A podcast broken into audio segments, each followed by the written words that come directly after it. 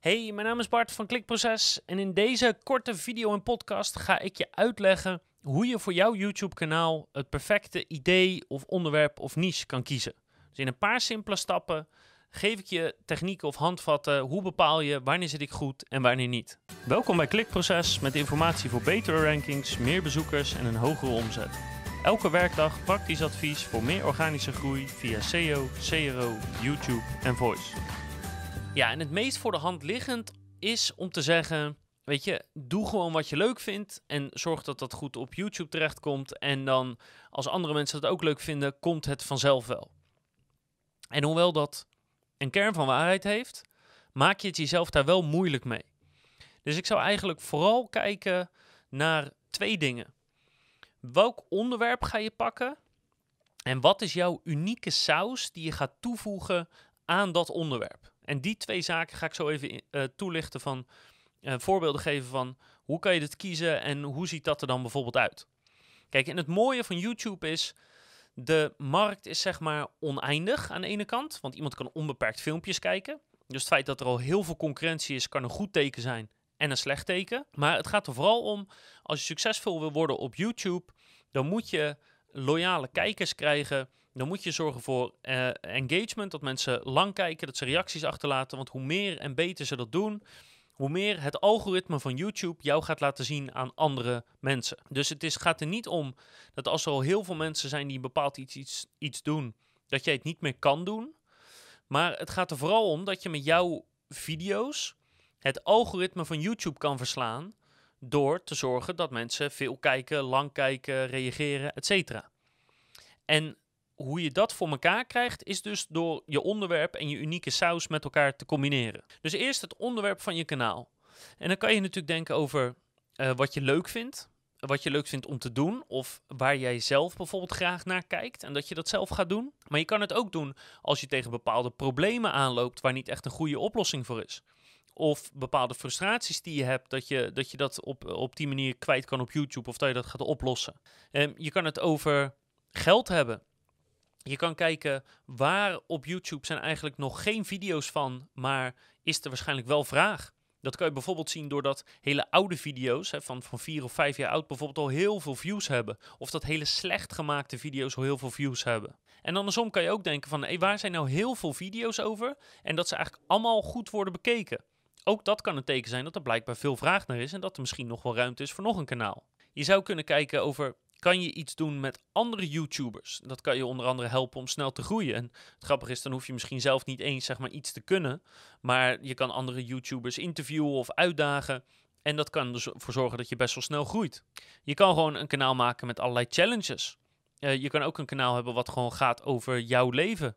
Hoewel dat wel moeilijk is, want een hoop mensen vinden dat voor de hand liggend. Van ja, dat is leuk. Hè? Dan uh, kijken andere mensen mee met mij. Maar dan is wel even de vraag: kan je dat goed neerzetten en gaan andere mensen jou leuk genoeg vinden? Dat is een moeilijke vraag. En het antwoord in de meeste gevallen is helaas uh, waarschijnlijk niet. Je kan reviews gaan maken over van alles. Ik bedoel, er is zelfs een supergroot YouTube-kanaal en die maakt alleen maar reviews van fastfood-restaurants. Weet je, zo simpel kan het zijn. Je kan natuurlijk gaan reizen. Daar zijn al heel veel kanalen van van mensen die reizen. Uh, je kan je mening ergens over geven of op een bepaalde manier geven of over een bepaald onderwerp geven. Je kan ook gewoon video's maken die alleen maar een reactie zijn op een andere video. Dus dat je een andere video kijkt of luistert of samen met anderen ernaar kijkt en dat je daar iets van vindt. Je kan hele duidelijke uitleggen geven van hoe je iets doet of hoe je iets aanpakt. Dit kanaal is daar een voorbeeld van. Wij geven met name uh, handleidingen, uitleggen, uh, dingen om over na te denken om beter te worden in het vakgebied. En je kan ook een, een, hele diepe blik in iets geven. Iets waar de meeste mensen misschien helemaal niet bij stilstaan. Zoals uh, hoe zorgt een boom ervoor dat hij bovenin zijn top van zijn blaadjes water krijgt wat hij van onderen opzuigt? Ik zeg maar wat. Dus er zijn heel veel verschillende onderwerpen die je kan pakken en die kunnen in theorie allemaal succesvol zijn.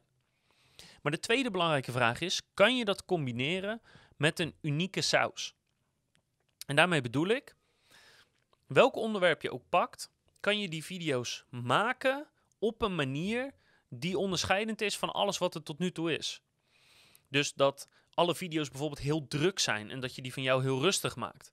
Of dat je een veel diepere uitleg geeft over dingen omdat je gewoon meer kennis hebt. Of dat de meeste video's heel simpel zijn, hè? zoals bijvoorbeeld ik die hier wat zit uit te leggen. En dat jij het veel complexer of veel duidelijker maakt. Eh, het kan ook gewoon zijn hoe je ze edit en, en de, de voorbeelden die je geeft of hoe je dat doet. Het kan ook gewoon je persoonlijkheid zijn. Hè? Misschien ben je wel best wel grappig. Of misschien ben je met meerdere mensen die, die best wel grappig zijn. Of heb je een bepaalde charme die je kan inzetten.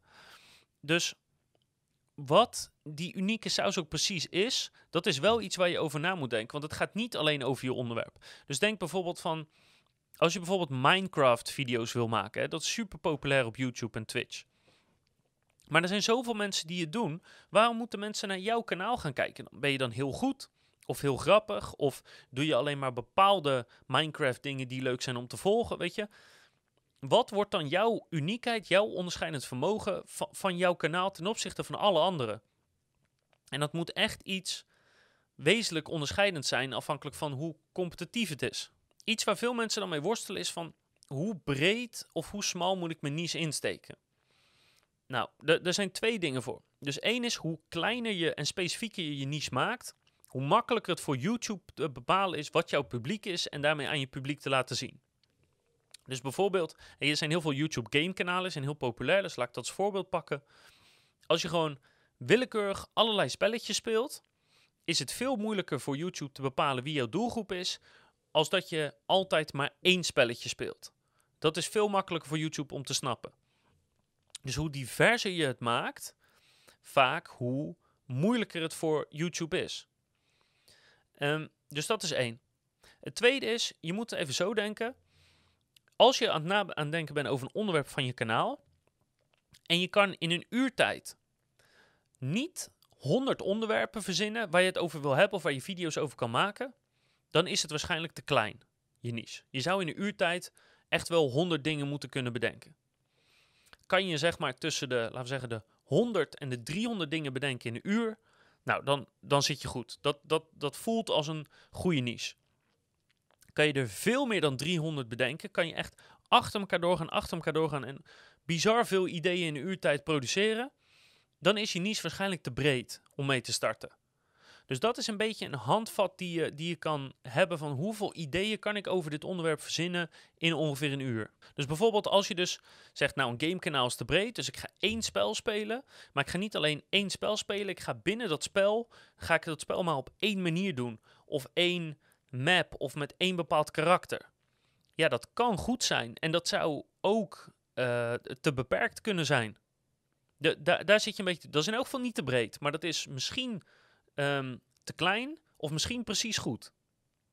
En dat ligt er dus een beetje aan. Oké, als je dus maar één spel speelt met één karakter, kan je dan in een uur tijd honderd verschillende manieren bedenken om dan toch dat spel te spelen en dat het leuk is of om dingen uit te proberen. Iets wat je bijvoorbeeld ook veel, veel ziet voorbij komen, is dat mensen gewoon vlogvideo's maken van hunzelf, van hun leven, hoe ze naar school gaan of naar het werk gaan en wat ze dan meemaken.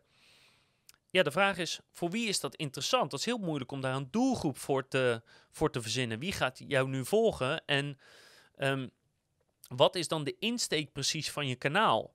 Weet je, moeten mensen zich dan gewoon jou volgen omdat ze jou zo leuk moeten vinden? Of gaat jou, um, jouw kanaal wel over jouw leven, maar bijvoorbeeld over één aspect maar? Dus bijvoorbeeld uh, de sociale interactie die je hebt met mensen en wat je daarvan kan leren. Of um, hoe je lichaamstaal kan beoordelen. Of gaat het over hoe jij met geld omgaat? Of over jouw uh, hobby's die je doet? Of over jouw progressie als student door de school heen? Ik zeg maar wat. Dus gewoon mensen die jou moeten volgen omdat je nou eenmaal vlogt, is waarschijnlijk niet succesvol. Is waarschijnlijk te breed, te vaag. Dan denken mensen Waar, wat, wat, wat heb ik hier precies aan? Wat kan ik hiermee? Maar als je mensen jouw leven volgen, maar dan op één specifiek gebied, bijvoorbeeld dat je net een, een kind hebt gekregen en dat je uh, van, van hoe, hè, ik ben nu een jonge moeder of vader en hoe ga ik dit allemaal doen, dat zou bijvoorbeeld wel goed kunnen. Dus zo moet je eigenlijk nadenken van wat wordt nou precies mijn onderwerp? Niet te groot, niet te klein. En als je begint, kan je het beter te klein hebben. Groter gaan kan altijd, maar andersom is het, is het doorgaans lastiger, onder andere door je publiek en door het YouTube-algoritme. En de laatste tip die ik zou geven is, als je nou de, voor jezelf moet zeggen, de komende vijf jaar moet ik elke dag dit doen. Heb ik daar dan wel zin in? Want dat is een beetje wat, wat als je echt met een YouTube-kanaal aan de slag wil, echt eh, van je vraagt. Als je nou elke dag met een, bepaald onderwerp bezig moet zijn, wat zou dat dan zijn? Wat kan je, ehm, nou je kan het niet altijd leuk vinden, maar wat kan je wel volhouden? En vind je wel 80% van de tijd leuk om te doen, of te zien, of te leren, of noem het maar op. Als je dat kan bedenken, en je kan ook nog een manier vinden hoe mensen het leuk vinden om naar jou te kijken, dan heb je iets prachtigs te pakken. En dan zou ik zeggen, begin alsjeblieft, want YouTuber zijn is gewoon heel erg leuk. Ook al verdien je er niks mee, ook als je publiek klein, het is gewoon leuk om video's te maken. Ik zou zeggen, ik hoop dat je er wat aan hebt. En ik hoop dat je de volgende keer natuurlijk weer kijkt, luistert of leest. Want dan gaan we het veel, nog veel meer hebben over YouTube-kanalen, maar ook over SEO, conversieoptimalisatie en voice.